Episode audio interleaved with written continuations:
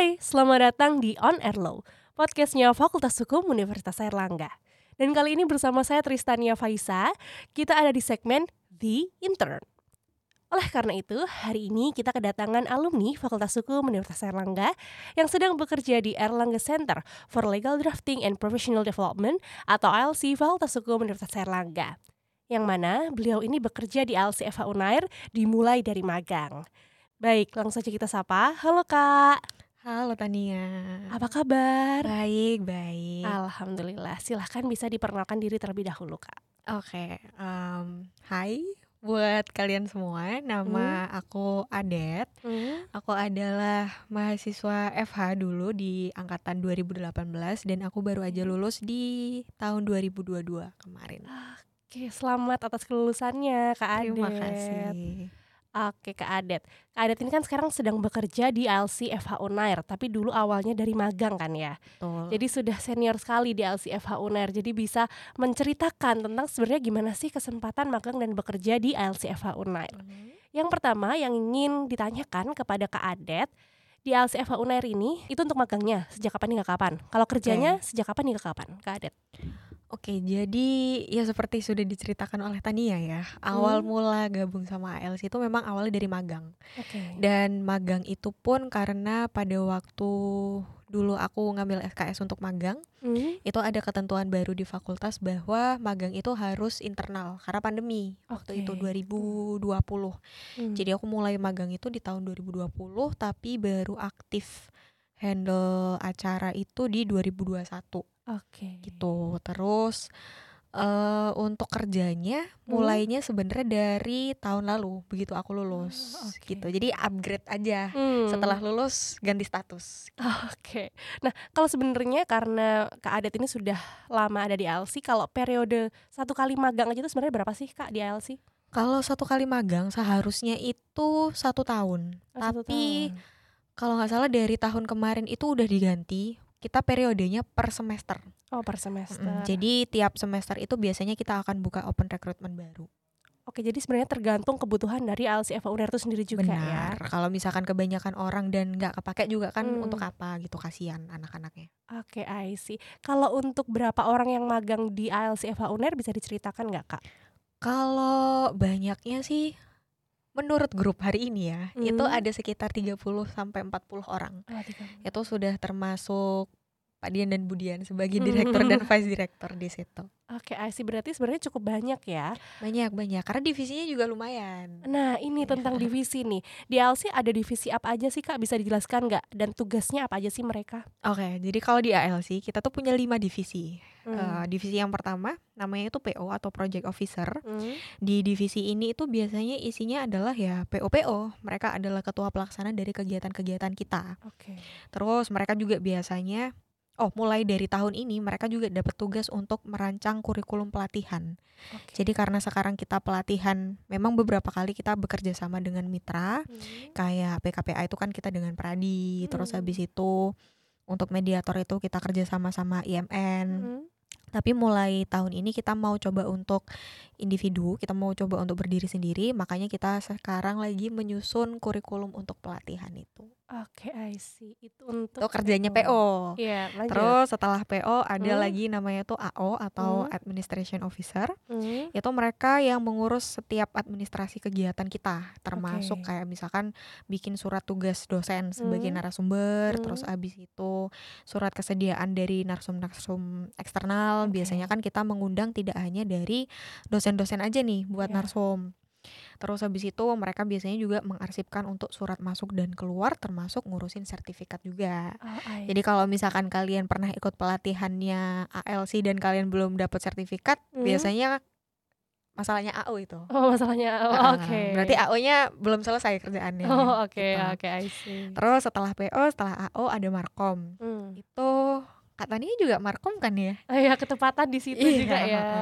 Markom itu marketing and communication ya kak ya? Iya, betul, Ya. betul Kak Ade. Sesuai dengan namanya, marketing and communication tentu saja tugasnya adalah untuk promosi. Hmm. Promosi dan juga sebagai narahubung biasanya. Jadi nama-nama yang kalian temukan di poster-poster pelatihan ALC itulah itu adalah nomor dari markom-markom kita. Oke. Tuh yang ketiga. Terus yang keempat ada yang namanya ITD. Hmm. ITD ini apa ya kepanjangannya? Dia bagian- Information pokoknya desain, D-nya desain deh Oh, pokoknya. oke. Jadi di situ eh untuk orang-orang kreatif yang mereka biasa jadi si pup dog, kalau Hmm. misalkan di proker-proker kalian di kampus bisa banget masuk di ITD ini Oh, gitu. oke. Jadi kita yang eh, ITD ini yang mendesain untuk poster-poster pelatihan, terus untuk Hmm. desain sertifikat juga. Oke. Terus kalau untuk acara-acara hybrid, kita Hmm. sekarang kan ada beberapa pelatihan yang hybrid. Hmm. Itu nanti yang handle untuk kamera, untuk segala macam itu dari ITD. Oh, I see. Dan yang terakhir ini adalah divisiku dulu Hmm. waktu aku magang, Hmm. yaitu FO Finance Officer. Seperti namanya, finance itu kita berhubungan dengan keuangan. Jadi Ah.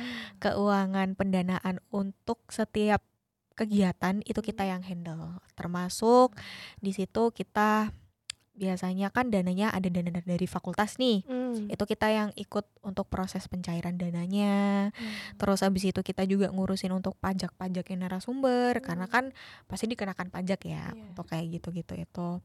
Terus kita juga biasanya ngurusin oh ini rekap pendaftaran juga Hmm. pasti pembayaran peserta itu ke kita. Jadi kalau misalkan ada peserta yang marah-marah kak ini transferku kayaknya udah masuk tapi kok Hmm. dibilang nggak masuk. Nah itu berarti FO-nya belum selesai Oh, rekapnya iya, I gitu. Oke. Kalau tadi Kak Adet menyampaikan di awal magang FO ya. Mm-mm. Kalau sekarang masih di FO atau sudah pindah ke tupoksi yang lain nih Kak Adet? Kalau sekarang saya kebetulan ya masih merangkap de- eh, masih merangkap jadi chief of finance officer tapi merangkap juga sebagai korsek. Oh, ada korsek juga ya di ada, ALC. ada. Apa tuh Kak Cuman bisa korsek nggak? corporate secretary ini Hmm? dia kayak eh, nggak masuk dari lima divisi itu tadi sih sebenarnya. Oh, Tapi gitu. dia memegang peran penting karena korsek ini biasanya eh, mereka yang mengoordinasi lima divisi ini. Jadi lima Ah. divisi ini di bawahnya korsek juga sebenarnya. Gitu. Jadi kalau teman-teman yang pemula baru magang di ALC memilihnya lima divisi itu ya. Mm-mm, Tapi nanti betul. kalau sudah alhamdulillah dapat kepercayaan gitu ya. Iya, bisa banget bisa naik gitu. naik ke korsek. Oke, I see. Oke, Kak Adet tadi cerita juga tentang awal magang jadi FO sampai akhirnya jadi korsek. Kenapa sih Kak memutuskan kok magangnya di ALC? Kalau kenapanya sebenarnya karena pada waktu itu tidak ada lowongan magang lain. Oke. Tapi eh, sebenarnya yang menarik adalah karena ALC itu pada waktu itu aku melihatnya dia adalah eh, unit yang beda dari yang lain. Jadi Hmm. pada waktu itu karena bukaan untuk magang itu internal Hmm.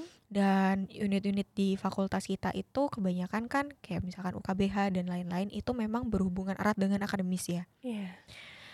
Dan pada waktu itu aku melihat ALC dia sebenarnya tidak eh nggak segitu erat nih hubungannya dengan akademis. Jadi serunya adalah kita nanti itu jatuhnya kayak event organizer. Oh, I see.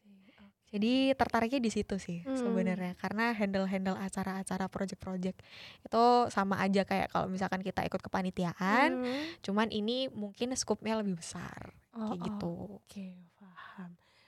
Tadi membahas tentang magang dan bekerja di ALC Eva Unair. Kalau saat ini kan pastinya Kak Adit ini sudah bagian yang menyeleksi para pemagang ya. Iya. Bisa dijelaskan nggak Kak sebenarnya syaratnya apa sih dan seleksinya seperti apa untuk bisa magang di Eva Unair? Oke, kalau untuk syarat sebenarnya tidak ada syarat eh, syarat yang berat-berat gitu nggak ada sih. Pokoknya Hmm. selama ada lowongan kalian mau daftar silahkan boleh. Iya, Eh, pintu kita terbuka untuk kalian semua ya. hmm. Dan selama kamu yakin kalau kamu tuh mampu untuk berpartisipasi aktif di sini, Hmm. silahkan banget. Oke. Terus syaratnya biasanya syarat lain sih kita nggak ada syarat IPK gitu-gitu Hmm. nggak ada sih. Kalau seleksi, seleksi kita yang pertama pasti seleksi CV. Jadi Oke. kalian harus bikin CV dulu, buatlah itu semenarik mungkin. Hmm. Tapi yang jujur ya, bikin CV-nya, Hmm. jangan dibuat-buat nih. Terus Oke. setelah ada seleksi CV, kita ada interview. Oke. Interview ini biasanya kalian akan dihadapkan dengan para shift dari divisi yang kalian apply. Hmm. Kayak misalkan kalian nanti eh apply-nya ke, eh, ke divisi finance. Nanti mungkin ada, akan berhadapan dengan aku. Iya. Terus pastinya juga interview dengan Pak Dian dan Bu Dian juga. Oh, Gitu. Agak sedikit menakutkan ya kalau interview sama Pak Dian Budian kayaknya ya. Tapi Eh, gimana tuh Kak? selama kalian merasa bahwa diri kalian ini mampu, kalian punya kualitas sebagai pekerja yang aktif, Hmm? nggak usah takut. Oh. Pak Dian Budian tuh orangnya easy going kok, santai santai. Oke. Jangan takut, jangan takut. Oke teman-teman mendengar di note ya itu tadi untuk proses seleksinya sebenarnya nggak terlalu rumit ya kak mulai dari CV dan juga interview Iya. baik dengan eh, para ketua divisi maupun dengan Bu Dian dan, dan Pak Dian. Nah kalau untuk persiapannya kak Adet zaman dulu sampai bisa diterima sampai bisa long last ya di LCFA UNER tuh gimana? Kalau persiapannya pada waktu itu sih tergantung ini ya, kalian apply di divisi apa dan kalian persiapkan pengalaman kalian terkait dengan divisi itu. Kayak Oke. pada waktu itu aku apply ke finance karena memang ada beberapa kali aku diberikan kepercayaan untuk jadi bendahara di beberapa proker. Hmm. Jadinya aku merasa bahwa oh dengan background yang seperti itu kayaknya cocok nih aku masuk di finance. Jadi pada saat kalian mendaftar bukan berarti kalian ini background kalian kosongan juga. Hmm. Atau mungkin katakanlah memang kalian benar-benar pengen kak aku pengen nyoba ini baru nih aku. Hmm. Tapi kalian merasa bahwa aku bisa kok kak, aku merasa aku mampu untuk belajar tentang divisi ini, tentang job deskku ini dengan cepat, nggak apa-apa, silahkan aja. Oke. Kurang lebih kayak gitu sih persiapannya. Terus yang pasti be aktif aja teman-teman. Hmm. Maksudnya tunjukkan antusiasme kalian Hmm. karena kan kita sebagai yang melihat kalian menyeleksi kalian kalau kalian yang nggak antusias juga kan rasanya kayak ini anak kenapa daftar ya kalau misalkan nggak Hmm. kepingin Oh, gitu. Oke. Gitu. Oke, mungkin sedikit pertanyaan juga nih mumpung kita ketemu sama yang nyeleksi ya untuk magang di LCFH Unair. Kira-kira kalau ketolak magang LCFH Unair tuh karena apa sih Kak Adet? Kalau ketolak mungkin karena kuotanya sudah habis. Oh gitu ya. Heeh, jadi kan ya. Eh, setiap semester kita Hmm. kalau buka lowongan itu kita menyesuaikan dengan slot yang kosong. Jadi Ah, eh, seperti yang aku bilang tadi, kalau misalkan kita kebanyakan pemagang juga sebenarnya nanti nggak akan efektif oke. karena mereka eh, akan banyak idle-nya. Jadi mereka juga percuma mereka ada di sini tapi mereka tidak mendapatkan kesempatan apa-apa. Kak. Makanya kita emang bener-bener ambil mereka yang kita lihat, oh dia aktif, oh dia mampu, oke kita masukkan. Karena kan kasihan juga untuk pemagang-pemagang lain yang katakanlah mereka udah aktif tapi terus dapat Hmm. pemagang baru yang tidak bisa mengimbangi, Hmm. itu kan juga susah. Oke, Gitu. berkaitan selanjutnya. Oke, selanjutnya berkaitan dengan benefit magang di ALC nih, Kak Adet bisa diceritain nggak ke teman-teman pendengar semua? Benefit magang di ALC itu eh kalian pasti akan dapat fee teman-teman. Oh, Oke.